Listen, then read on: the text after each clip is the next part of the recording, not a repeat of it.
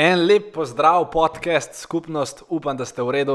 Danes bomo govorili o study caseu, oziroma o tem, kako lahko tudi vi uh, lansirate projekt, kakršen koli projekt, in kako lahko to naredite čim bolj učinkovito, dobičkonosno in, dajmo temu reči, pompozno. Tako da, režija. Dobrodošli v podkastu podjetniške skrivnosti. Moje ime je Filip Pesek in to je edino mesto v Sloveniji, ki združuje tri najbolj pomembna področja vašega poslovanja: mindset, marketing in prodajo. In tukaj sem zato, da vaše podjetje, produkt, storitev oziroma idejo spravimo na nivo, ki si ga zaslužite.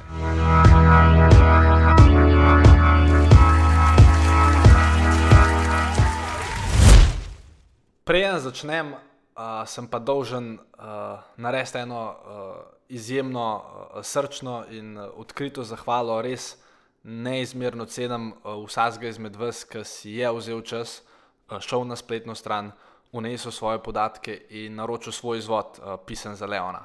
Še bolj pa cenim vse tiste, ki ste knjigo dejansko prebrali. Oziroma, že prebrali in mi potem tudi nazaj poslali feedback uh, o sami knjigi, mi povedali, uh, kaj vam je bilo všeč, zakaj vam je bilo všeč. Oziroma, večina vas je pač napisala, Filip, to je ena huda stvar, kar si napisal. Tako da res uh, cenim vašo podporo in tudi vsi tisti, ki ste šli na pristajalno stran oziroma na spletno stran, pa mogoče knjige niste naročili, brez problema imamo zelo strukturiran retargeting pripravljen za vas. Tako da verjamem, da boste knjigo vseeno kmalo dobili na dom tudi vi. Tako da, dajmo se danes pogovoriti konkretno o številkah tale epizoda. Ali bo imela mogoče malenkost manj zgodb, pa malenkost več nekih konkretnih številk.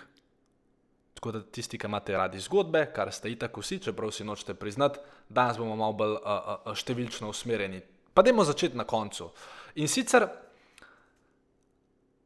moj cilj je, da knjigo Pisma za Leona dobi v roke 5000 slovenskih podjetnikov, oziroma 5000 ljudi, ki bi mogoče to radi postali. Vem, da bo pač šlo za miks, torej in podjetnikov, in mogoče tistih, ki bi to radi postali. Zakaj imam ta cilj? Prvič zato, ker je uh, knjiga napisana na način, da enostavno vem, da vsak, ki jo prebere, da lahko v njej najde nek aha trenutek, ki ga na tej svoji podjetniški poti išče. Uh, lahko najde tudi, seveda, 16 ali pa 17 trenutkov, kot nekateri, ampak tudi če boste samo en aha trenutek najdeli, je to čist dost, ker lahko ta aha trenutek je za vas vreden tudi na tisoče in tisoče evrov v naslednjih letih. In če je moj cilj, da to knjigo dobi v roke 5000 podjetnikov, da se jim dejansko pomaga, oziroma da jim pač jaz iz srca povem, kaj je bilo tistih 17 stvari, ki je meni pomagalo doseči ta preboj, oziroma 17 glavnih načel, po katerih jaz funkcioniram, in 17 načel, ki sem jih konec koncev v knjigo napisal za svojega brata. Um, potem je tukaj se treba usesti in narediti preprosto računico. In uh, to je, recimo, jaz vem, jaz sem sovražil matematiko. Nisem, v bistvu nisem, ker sem v osnovni šoli sem bil, recimo, sem vedno dobival tisto bronasto, vegovo priznanje, pa pol mislim, da sem enkrat celo dobil srebrno, ne čak to sem iz fizike. Ampak skratka, matematika mi je šla, te številke so mi šle. Tudi pol v srednji šoli. Uh, Sem bil kar brihten, no, sicer ni mi bilo všeč tisto, kar smo se učili, in pol dejansko v četrtem letniku je tista moja matematika, torej v prvem letniku je bila pet, pa je bila štiri, pa je bila štiri, v zadnjem letniku je bila že tri, uh, ampak to zaradi profesorja Blaža, ki se ga bomo mogoče dotaknili v kateri drugi epizodi. In, uh, in čeprav vem, da marsikdo izmed vas matematike nima rad. Ker tudi jaz tistih X-ov pa Y-ov pač ne vem, kako lahko v tem uživaš, to moraš biti res malo mahnen. Um, čeprav, no, če se vrnem na profesorja Blaža, profesor Blaž je imel eno zelo zanimivo taktiko in sicer. Uh, če se spomnite, verjetno ste v srednji šoli reševali enačbe, torej A, B, C, X, Y, pač vne številke ste skrb metal, 2x minus 6, kako zdaj to skrb D, ven vrš, aha, poenostaviti, torej koliko je X, bla bla. In, in profesor Blaž je imel eno zanimivo metodo. In sicer on je imel uh, zelo zanimiv pristop do matematike. Zato, ker vedno, ko je recimo iz knjige ali pa učbenika napisal uh, enačbo na tablo, da jo bo začel reševati in nam raz, na ta način razlagati snov, ali pa da jo bo nekdo izmed dijakov prišel na res na tablo. On je vedno, ko je napisal enačbo na tablo, si je rekel naslednje besede. to bo ena čudovita enačba. In dejansko za njega so vse te enačbe bile čudovite. Da, uh, sicer ne rečem, da se morate to pri uh, enačbah naučiti, ampak dejstvo je, da pridevnik, ki ga mi pripišemo določeni aktivnosti, postane realnost te aktivnosti. Primer, o, Madonna, danes moram pa spet v fitness. Ja, logično, da nikoli ne boš v fitnessu užival. Če si pa rečeš, hej, super, le, danes gremo v fitness, sem malo prešvico, tri hude bebe, bom videl, matra bo to en lep dan oziroma izlet v fitness, boš pa ta fitness začel dojemati drugače. No, vidiš, pa smo že zašli v zgodbo o mojem profesorju Blažu, ampak če se vrnem k matematiki, dajmo zdaj vzeti en list papirja, oziroma vsaj jaz ga bom, ker na ta način lažje razmišljam. Tako da, evo ga, tle imamo tole in kuli. Če hočem, pa gremo razmišljati skupaj. Če hočem, da se v enem letu, pa ne gre se zdaj za mojo knjigo, gre se za to, kako lahko isto matematiko speljete vi, oziroma še enkrat hočem vam dati pa tudi malo bolj konkretne še marketinške stvari, pristope in vse ostale zadeve povezane s to knjigo. Ampak, kot rečeno, vse se začne s številkami. Če hočem jaz prodati 5000 knjig v enem letu, kaj to pomeni? Ja, povprečna pristajalna spletna stran za kjerkoli izdelek ponavadi konvertira en procent. Torej, recimo stvari, ki so vezane na, uh, da moramo reči, moje delavnice ali pa online tečaje, cenovni rang, da moramo reči od 150 evrov do 400 evrov. Te stvari ponavadi, če jaz furam Facebook oglase na neko hladno občinstvo, oziroma ljudi, ki me ne poznajo, čeprav teh ljudi je danes že zelo malo, ampak pustimo to. Um, je ponavadi konverzija na tej strani nekje med 0,5% in 2%, odvisno od projekta, odvisno od nagovora, odvisno je to zdaj. Um, toplo občinstvo ali hladno občinstvo, pa s tem, kar rečem toplo občinstvo, ne mislim toplo, toplo, no, pustimo to. In um, Taka je ponovadi konverzija. Pri knjigi je načeloma malo drugače. Gre se za nizkocenovni produkt uh, in recimo neka povprečna konverzija, ki jo lahko pričakuje nek človek, ki ne zna glih kaj dosti delati o spletnem marketingu, lahko pričakuje, da bo konverzija na tej strani za knjigo med 3 in 5 procentna. Če si pa seveda Filip Pesek in če imaš dejansko vsak aspekt marketinga naštudiran, če res znaš spisati pravo prodajno besedilo, ga prikazati pravim ljudem, in tudi uh, celo pristajalno stran narediti tako, kot je, plus imeti dejansko res huda, huda, huda mnenja od beta skupine, ki je knjigo prebrala. Čez nas se stavlja pravilen FAQ, oziroma odgovore na pogosto vprašanje, lahko recimo pri takem 30-evrskem produktu. Um, kot je knjiga, ne rečem, da pri vseh 30-evrskih produktih, ampak pri tem specifičnem produktu je pač moj cilj, da bo konverzija spletne strani 10-procentna. Torej, moj cilj je, da prodam 5000 knjig, ampak če hočem prodati 5000 knjig, se mora ena druga stvar zgoditi. Vse verjetno ste že zračunali. Če hočem jaz prodati 5000 knjig, pa če je konverzija na spletni strani 10%, to pomeni, da moram jaz v enem letu spraviti 50 tisoč ljudi na pristajalno stran. Torej, 50 tisoč ljudi mora iti na filipesek.com, pošiljnica pisma pomišljaj za pomišljaj Leona. 50 tisoč ljudi mora iti tja, če hočem jaz knjigo spraviti do 5 tisoč podjetnikov. A je to ena taka uh, zelo površna matematika? Definitivno, ker tukaj niso vštete še prodaje v knjigarnah, tukaj niso všteta še priporočila, ki jih bo zagotovo ogromno, tukaj niso všteta še, oziroma tukaj sploh nisem štev teh naročil, ki sem jih dobil v prvih dneh. To zdaj govorim za obdobje oglaševanja. Mi bomo, mi bomo začeli oglaševati 16. oktober, jaz zdaj tale podcast snemam kot ponavadi v nedeljo 14. oktober, torej na tej točki še nismo začeli oglaševati.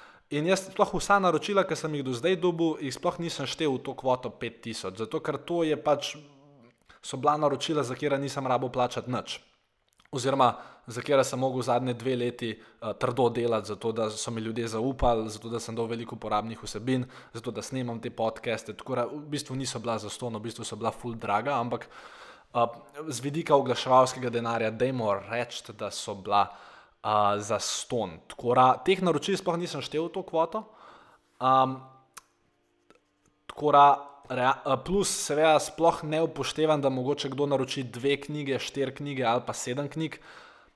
In ker hočem res številke zastaviti tako malo površno, zato ker vem, da če bom jaz spravil 50 tisoč ljudi na landing, da bo dejansko več kot 5000 nakupov. Oziroma, uh, hotel sem številke tako postaviti, da upoštevam nekakšen worst case scenarijo, če je pač to vam smiselno. Ker večina ljudi ima težavo s tem, da upošteva neko v svoji glavi best case scenarijo. Ja, ja, ja, sej to bo vse štimalo, vsi v hotel kupiti. Uh, ne, ne, ponavadi ne bo tako. Ponavadi, če imaš neko idejo, koliko se bo nečesa prodal, se bo ponavadi prodal fulman od tega, kar si imel v glavi. Tako da jaz sem res štartov z nekim worst case scenarijem v svoji glavi, zato da si res zagotovim, oziroma da res probam maksimalno um, si nekako zagotoviti to, da uh, bo teh 5000 knjig uh, prodanih. Tako da, če gremo naprej, če je cilj 50 tisoč ljudi spraviti na uh, pristajalno spletno stran, Pa zdaj morate vedeti, ciljnih strank za to knjigo v Sloveniji je realno okrog 120 tisoč do mogoče 150 tisoč, ker mislim, da je okrog 120 tisoč registriranih SP-jev v Sloveniji, torej realno vsak izmed njih pač je na papirju klinc podjetnik in to, da jim reč, da šteje, čeprav da jim reč, da je 15% teh podjetnikov takih, ki sploh niso podjetniki, tako da smo že na 80 tisoč.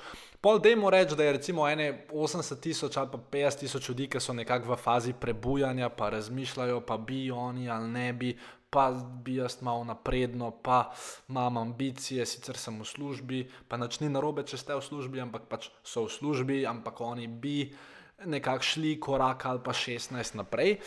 Tako da te ciljne publike realno je 140 tisoč. Torej, moja naloga je, da vsakega tretjega človeka iz moje ciljne publike letos, oziroma v naslednjih 365 dneh, spravim na landing page, kar zna biti pa uh, kar velik izziv. In namesto tega, da se jaz fokusiram na to, kako prodati 5000 knjig, je moj glavni fokus, kako bom jaz spravil 50 tisoč ljudi na spletno stran, kjer je knjiga predstavljena. Pa še enkrat, matematika je slaba, ker tukaj sploh niso šteti, pa še vsi retargeting na kupi, v, v, v, v kateri stvari, o, o tem bom govoril čez par sekund oziroma minut. Ampak se bram, za potrebe tega podcasta, pa za potrebe te matematike, 50 tisoč ljudi je treba spraviti na pristajalno stran, da se zgodi 5 tisoč nakupov. In če razmišljamo naprej, kako boš torej ti dobil 50 tisoč ljudi, če cilja 150 tisoč ljudi, je težko. Tako boš mogel biti zelo kreativen. Glede na to, da že zelo dolgo časa oglašujem na Facebooku, kar je zelo dobro, je to, da imamo v bistvu okrog 96 tisoč ljudi, oziroma mislim, da je številka nekje med 70 tisoč in 90 tisoč, ki so v preteklosti kjerkoli moj video posnetek gledali že vsaj 3 sekunde. Zdaj pa naj se usede ta podatek za sekundo. Jaz imam na Facebooku od 70 do 90 tisoč ljudi, ki so gledali kateri koli moj video posnetek v zadnjem letu, vsaj 3 sekunde. Bom zdaj malo utihnil, to, da predelate ta podatek. To pomeni, da obstaja, da imamo reči 70 tisoč ljudi, ki lej, čister, če so gledali posnetek 3 sekunde, to ne pomeni, da me poznajo, to ne pomeni, da me zaupajo, ampak njihova podzavest je seznanjena z mano tako ali pa drugače. Kar pomeni, da že to mi daje nek edge pri oglaševanju, ker ko bodo videli moj oglas, na katerem bo seveda moja slika, ne, čigava pa, uh, bodo v bistvu oni dosti bolj verjetno šli ti so glas brati, ker sem jim že poznan, oziroma ker je njihova podzavest ta obraz vsaj nekje že videla.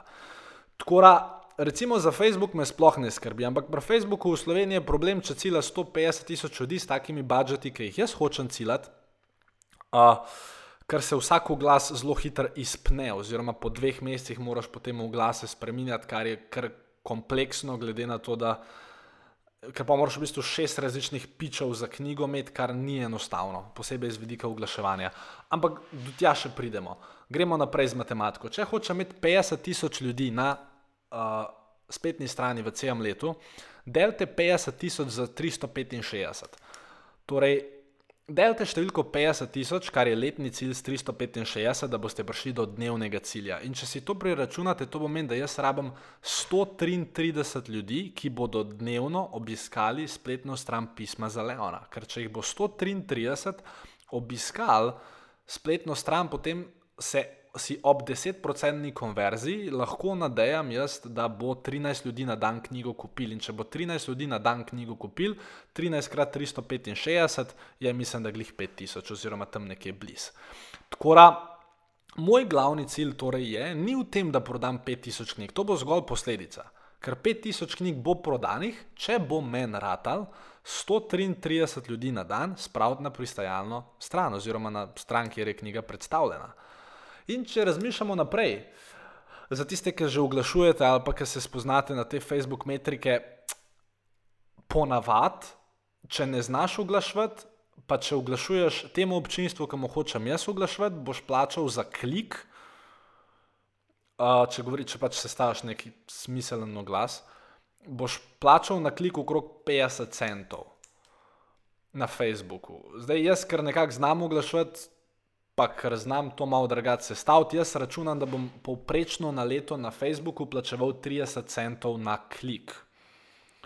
Ok, torej, če bom jaz plačeval 30 centov na klik in če bi hotel teh 133 klikov dobiti zgolj in samo iz Facebooka, um, bi mogel na dan zapraviti na Facebooku 45 evrov.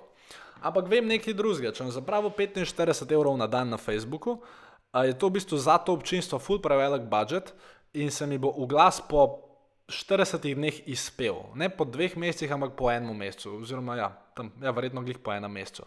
Kar pomeni, da bi mogel jaz 12 različnih oglasov sestavljati, s tem, da verjetno vsak naslednji bi bil manj učinkovit od tega prvotnega, kar ni dobro. Torej sem mogel razmišljati, ok, ne morem dobiti v celem letu trafika samo iz Facebooka, ker bo pač prevelika zgoščenost, oziroma oglasi posledično zaradi prenasičenosti na posamezni platformi ne bodo več performirali. In sem mogel razmišljati naprej, dobro, če je moj cilj 133 klikov, kaj pa če bi mi dal v Facebook samo 15 evrov na dan in bi potem dal drugih 30 evrov nekam drugam, sem rekel, hm, zanimiva ideja, kako smo to naredili. Ja, obstajata še dve stvari, ki sta relativno zanimivi, oziroma kar zanimivi. Ena je Instagram in ena je YouTube. In smo rekli, dobro, da imamo 15 evrov v Facebook na dan, da imamo 15 evrov v Instagram na dan in da imamo 15 evrov v YouTube na dan. Tako da zdaj, ko boste poslušali pesmi od Lepe Brene, preden se vam bo Lepa Brena zavrtela, boste vedeli glas od Filipa. Ne, nismo targetirali na Lepo Breno, smo targetirali na nekaj drugega, ampak tudi do tja še pridemo. Oziroma, če ste knjigo že kupili, uh, pa ne boste targetirani. Če smo zadeva prav nastavili. Če nismo prav nastavili, pa boste verjetno spet targetirani, boste pač še eno kupili, sorry, um, ali pa dve. Uh, ok, smo bili. No, in torej smo določili tri, tri source trafika. Seveda, uh, nekaj bo prišlo še prek uh, Google Searcha, normalno. Uh, ker pač veliko ljudi dejansko googla besedno zvezo Filip Pesek, lahko greste pogledat, koliko uh, pač kar velik, mislim, da je celo ena izmed bolj googlanih besed v smislu personal brandov v Sloveniji. Eh, in definitivno najbolj googlana v smislu personal brandov v Sloveniji, ki se ukvarjajo z uh, podjetništvom, uh, oziroma ki, uh, ja, mislim, da, mislim, pejte preveriti, no, ampak velika številka je, tako da veliki bo prišlo še s tem, veliko seveda ljudi bo na spletno stran prišlo po priporočilu. Uh, in tako naprej. Plus, se ja še, ne, ok, moja e-mail lista, oni so jih tako že kupili, ker so mislili, ampak uh, tako. Teh obiskovalcev mora biti na koncu pač 50 tisoč. In uh, tukaj uh, je treba nekako dihati, ker to je prva faza, spraviti 50 tisoč ljudi. Potem druga faza je, si pač Filip Pesek, ker je Filip Pesek, on si želi 10% konverzijo te strani, torej on hoče, da če 50 tisoč ljudi prije, da 5 tisoč ljudi takoj kup knjigo. Ne pol v sklopu retargetinga, ampak takoj. Jaz sicer ne vem, kako se bo to odzivalo, zdaj v fazi tega uh, prvega tedna, kjer sicer še ni bilo oglaševanje, je bila konverzija 9%, kar je ok. Uh, s tem, da zdaj mogoče boste rekli, ja, ampak to zato, ker so te, te ljudje poznali. Uh, Ja, mogoče ja, ampak po drugi strani pa je bilo tudi veliko ljudi, ki so šli iz Ferbca na spletno stran, kar potem po oglaševanju se ne zgodi. Uh, posebej, če delaš long form oziroma malo daljše prodajne tekste, ker pol jih dejansko prebere samo um, ki ga pač zanima, um, ki ga ne zanima, no tega bral nikoli. Uh, tako da, uh, torej, to je prvi izziv, prije do 10% konverzije. Potem je pa druga stvar, seveda, ki jo sploh nisem upošteval v to matematiko. Če bo 10% ljudi kupil, pomeni, da 90% ljudi, ki prije na to spletno stran, ne bo kupilo. Ampak še enkrat, jaz verjamem v svoj izdelek, vem, koliko je knjiga dobra, videl sem, kakšna mnenja mi pošiljate, vidim, koliko ste vi zadovoljni in moja dožnost kot dožnost prodajalca in marketerja je, da vam pač to knjigo prodam. Zdaj, a na silo, ali na šmek, ali na, ali na lep nasmeh, je čisto vse en, ampak čutim se dolžen, da to knjigo imate kar ne pomeni, da vam jo bom poslal za ston, niti ne pomeni, da bom dal kakršen koli dopust za tiste, ki čakate na dopust. Če boste dolgo čakali, bo cena knjige šla gora. Tako da ne čakati. Ampak ok.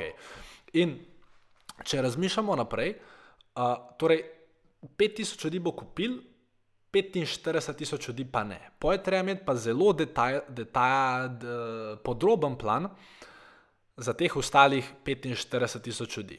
In jaz sem temu rekel bonus. Ker če mi prejmemo do 10% konverzije, se 5000 knjig proda.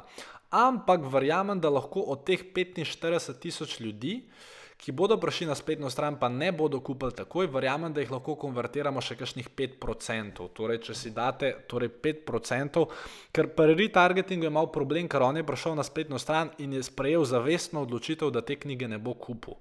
Torej, zdaj treba to njegovo zavestno odločitev spremeniti kar ni lahko, ker človek, ki se je nekaj odločil, ga je težko kontraobrniti, ampak seveda, spet, če poznaš prave marketinške vzvode, tehnike itd., se lahko tudi to zgodi. Tako da, če se konvertira 5% od teh uh, 45 tisoč ljudi, je to še dodatnih 2205 naročil. Torej, v bistvu smo na letni ravni na 7250, s tem, da tukaj niso všteta priporočila, uh, plus niso všteti nakupi v knjigarnah. Ampak spet, vse je matematika. Pri vašem projektu in pri tem specifičnem projektu. In zdaj, kako prija do 5-procentnega uh, retargetinga, uh, oziroma 5-procentne retargeting učinkovitosti spet?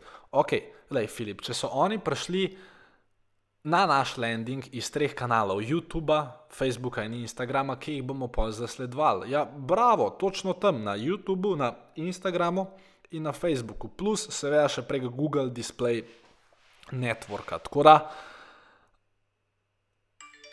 ja, vidiš, telefon se je vklopil. Uh, tako, tako da, uh, zelo napredno je treba pri takih stvarih uh, razmišljati. In potem, če grem še naprej, uh, kako bo zdaj ta retargeting sekvenca sestavljena? Ker večina ljudi pač naštima en retargeting oglas in je to to. O, ne, ne, ker pač mi smo Filipesek, mi moramo to malo drugače narediti. Tako da, Uh, v bistvu je retargeting sekvenca sestavljena zelo prikupno. Uh, torej, sestavljena je v smislu, da uh, se vam vsake tri dni približno prikaže drug glas. Eni so smešni, eni so direktni, eni so vsebinski, eni so testimonial glasi.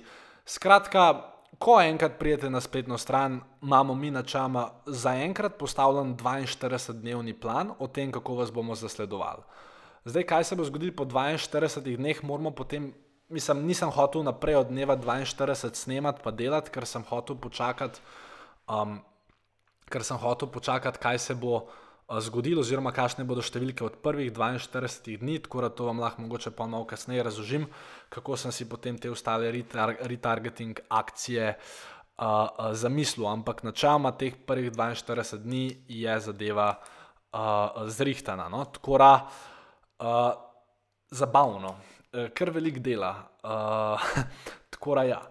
In če se, uh, če se zdaj malo umaknemo od teh številk, sam hočem, da zastopite, kako se orang kampanja pravi. Pa ne govorim samo za lansiranje kampanje, ampak tako detaljno, kam imam jaz stvari naštimane. Če imate spletno stran, ki res dobiva prek 100 obiskovalcev na dan, tudi vi, polno naštudirajte vse te retargetinge, vse te stvari, vse te zadeve ker bolj bo izpopolnjen sistem, lažje bo. In seveda, da se je ta sistem izpopolnil, uh, variante meni tega nismo delali uh, zadnji dan. Torej, knjiga je šla 9. oktober uradno, čeprav za e-mail isto že prej, ampak uh, to se ni delalo 8. oktober. Te vse stvari, o katerih vam zdaj govorim. Ampak to je bil pravzaprav proces, oziroma neka checklista, ki je bila sestavljena od uh, 30. junija naprej. In vam bom v tem naslednjem delu podcasta tudi povedal, kako je ta zadeva um, izgledala. Mi grede, če imate kje ob sebi vodo, dajte malo vode popiti, ker fajn je hidrirati, posebej med temi dolgimi podcasti. Mislim, niso dolgi, so zato zanimivi, da so pač daljši, ampak pustimo zdaj to. In kako je to izgledalo? Ja, najprej sem se mogel odločiti, da bom knjigo napisal. In pol je bilo treba tudi knjigo napisati. Za vse tiste, ki ste jo prebrali, veste, v kolkem časovnem času je bila napisana, za tiste, ki knjige niste brali, preberite jo. Um, in to je bilo 30. junija. Potem je bilo treba v juli, august in september razporediti oblikovanje marketinških kampanj in vse ostalo, kar spada zraven. Od dizajnerja do printa, do dela z distributerjem, do uh, še vseh ostalih stvari. In jaz se ne bom preveč spuščal v ta checklist, ker vem, da mogoče za vas ni specifičen. Sam to, da boste vedeli, koliko prej je bilo treba zadeve pripraviti. Če slučajno veste, kaj, kaj je kart abandonment sekvenca, verjetno veste. Torej, ko nekdo pride na uh, tisti zadnji del nakupa, ampak nakupa ne upravi. Torej, da ti je ime, da ti je primek, da ti je e-mail, ampak nakupa ne upravi. In če se je on predtem strinjal z GDPR pogoji, imaš ti pravico, da mu slediš, oziroma da ga pač mailaš, oziroma pošiljaš e-mail in ga pripraviš eventualno do tega, da kupi. In uh, ta e-mail sekvenca, ki je dolga, mislim, da sedem ali osem mailov, um, ki pač to, te, to osebo, potem, ko je vnesla podatke, pač naslednj, vsak naslednji dan pošljejo mail, ki so spet zabavni, vsebinski, direktni, razno razne stvari. Uh, ta e-mail sekvenca, torej knjiga je bila lansirana 9. oktober, ta e-mail sekvenca je bila spisana 15. julija. Torej 53 dni preden je bila knjiga zunaj, je bila spisana kar da Benjamin sekvenca. Tako da veliko, veliko, veliko dela je bilo treba. In edini razlog, da sem jo spisal tako hitro, je ker sem imel pač pol od tega 15. julija naprej. Še fulejnih drugih stvari, ki sem jih mogel zrihtati, sem pač to kar da Benjamin sekvenco zrihtal že prej. Sicer sem jo pol naknadno še malo spremenil, ampak jedro in bistvo je bilo postavljeno 15. julija. Uh, In mi grede ta karta Benjamin sekvenca zaenkrat zelo dobro funkcionira, če smo že glih pri tem. in če, uh, če gre, če, sorry, nisem se mogel upreti. Uh, in če greva še naprej, uh, seveda, po je bilo treba uh, knjige uh, predčasno natisniti v neuradni izdaji, poslati beta skupini, ker kot veste, jaz nisem hotel knjige na polno pičati, dokler mi ni beta skupina dala vedeti, da je ta knjiga res super in vsak od beta skupine imate tudi njihova mnenja uh, na spletni strani, si jih lahko preberete, če ste slučajno še rahlo skeptični. In um, to je bilo treba zritati, ni je bilo, tre, bilo treba to poslati, to je bilo treba dobiti, oblikovati. Postaviti na landing page. Če boste šli čez moj landing page, boste verjetno videli, da je to moj daleč najbolj dodelan landing page, kadarkoli, lahko greste tudi analizirati brati besedo za besedo, veliko se boste naučili, uh, ker je res pisan uh, na nekem advanced nivoju, ker še enkrat bistvo je, da doseže 10% konverzijo, oziroma to je moj cilj, ni, ni, ni bistvo, ampak to je cilj. Uh, in um, ja, tako da te stvari so bile kar, kar, kar vnaprej pripravljene. In prvič se mi je v življenju zgodil pred lansiranjem projekta, da sem, oziroma pre, prej. Ponavadi je vedno tako, da prej nekaj narediš, tiste zadnje dneve noriš, pa si živčen, pa imaš puls na 360, pa doživiš živčni zlom, pa pošleš ženo v maloro, psa brcneš. Skratka, živčen si in trpi, trpiš ti, trpi tvoj kortizol, ki se vedno bolj izloča, in trpi tvoje okolje.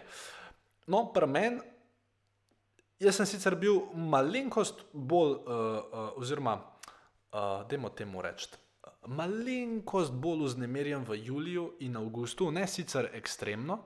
Oziroma, uh, par, ja, julija, avgust, september, aha, še avgust je bil vmes, o Madonna. Čak, pa sem jaz v bistvu uno kar da Benmans, aha, pa sem v bistvu uno tri mesece prej spisal. Oh, ok, kakorkoli.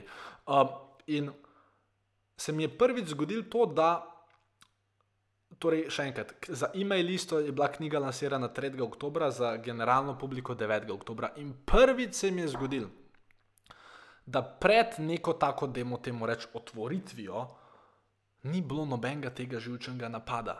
Oziroma, teden med 28. septembrom in oziroma tedna med 28. septembrom in 10. oktobrom sta bila verjetno za me najbolj sproščujoča tedna, oziroma najbolj neobremenjena tedna mojega življenja.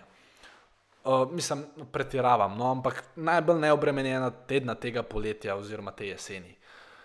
Zato, ker smo enostavno vse stvari prej naredili, in potem zadnji dan, jaz se spomnim, jaz sem, mogoče sem kaj naredil, dve, tri ure na dan, potem sem se pa ulegel in sem ali sem bral knjige, ali sem študiral ene programe, ali sem skratka učil sem se. Ker sem bil dejansko prost vseh obveznosti, ker ni bilo treba tistih last minut popravkov delati, ne vem, kjer jih stvari, vse se je prečasno testiral. Je sicer res, da sem imel 3. oktobra puls po mojem, 180 cel dan, zato ker sem mogel, uh, ker je bil takrat lansiranje za mojo e-mail listo in pri teh e-mailih lahko gre vedno kaj narobe, na srečo ni šlo. Uh, ampak to je bilo pa tudi vse. Pol 9. oktober sem bil že čist sproščen, sem vedel, da pač stvari delajo, funkcionirajo. Uh, in, uh, in to je to, da uh, če lahko potegnemo neko črto pod tem podcastom, je zadeva nekako taka prvič, če se greste marketing, dajte zadevo zastaviti celostno. Dajte si narediti checklisto, kaj vse rabite. Dajte si dovolj časa, da to checklisto izpolnite in dajte potem zadeve narediti. In ko jih naredite, ne imeti iluzije, da bodo funkcionirale. Ker dejstvo je, da ko mi pržgemo oglaševanje 16. oktober, verjetno 10% konverzije ne bo. In verjetno bo treba dosta stvari še spremenjati, prilagajati, ugotoviti, da je tam, aha, cf, kaj ni v redu, kaj je v redu. Tle le se da to spremeniti, tle ta barva gumba, ta na ta gumb ni dost klikov, kaj lahko naredimo. Tako da ne imete ene iluzije, da, tudi, da kljub uspešni pripravljenosti, da bo to kar laufal. Bo treba še pač malenkost detajlov ali pa velik detajlov, ne vem, spremeniti, prilagoditi. Tako da imejte uh, to v glavi, da uh, ja, se treba na kampanjo pripraviti in polk je zagnana, ne imeti iluzije, da bo kar funkcionirala. Lahko tudi Facebook, recimo, čez tri mesece spremeni algoritem, pa sploh ne bom več mogel na Facebooku oglašati, pa mogel vse delati prek Instagrama, pa YouTube, ali pa ne vem, marsikaj se lahko zgodi.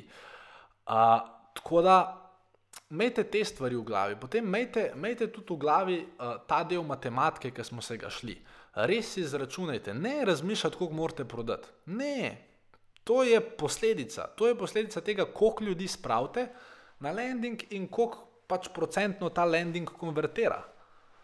To zdaj ne pomeni, da, o, ja, Filip, jaz imam pa cilj 5000 knjig prodati, super. Bom kupil zdaj 50 tisoč indicov, da mi iz različnih IP-ov pridejo na landing in pa bom prodal 5000 knjig. Ne bom, ker je teh 50 tisoč ljudi bilo na robe, oziroma ker niso ciljna stranka, ker so pač prišli na landing, ker sem pač plačal enemu indicu, da pridejo na landing. To ni, ni, ni to isto. Tako da pogruntajte številke uh, in te ljudi, ki jih na landing, ki jih pripeljete na landing, pač dajte res. Spisati tak tekst, ki bo pripeljal na landing samo kvalificirane ljudi, kar pomeni ponavadi malo daljši landing, oziroma uh, malo daljši tekst, uh, prejem kupca usmeriš na landing. To, da res veš, da si dobil tvojo relativno idealno stranko uh, na pristajalno spletno stran. Tako da mislim, da to zaključuje tale study case.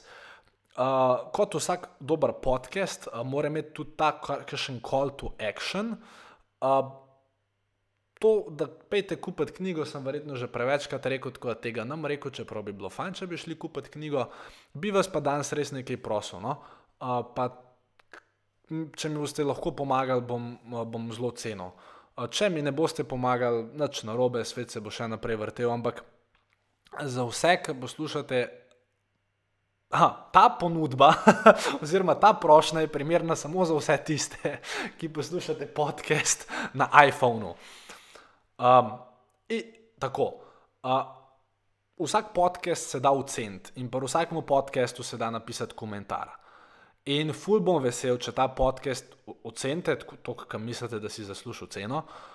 In uh, če sporej nekaj napišete, sam magar napišete, super, prima, lahko tudi kaj daljšega napišete. Skratka, kakršen koli besedni feedback uh, uh, bom zelo cenil. Uh, to je moja posebna prošnja za danes. Uh, prosim, hvala. In če um, se potem fokusiramo še malo na prihodnost, uh, čakata nas, mislim, da dva ali pa tri super pogovori v prihodnih epizodah. Ne pogovori, ki sem jih jaz naredil, ampak pogovori, ki so jih drugi naredili z mano, res taki in-depth oziroma globoki. Uh, uh, skoncentrirani, fokusirani pogovori, gotovo vam bodo všeč, prijem pa prijeva do tistih super pogovorov, če ste na Apple, dajte lepo, prosim, ta podcast besedno in z zvezdicami oceniti. In če ste na Androidu, tudi vi ga lahko ocenite in tudi vaš glas bom glih tako cenil. Tako da, lepo se imejte, lep dan še naprej in nasvidenje.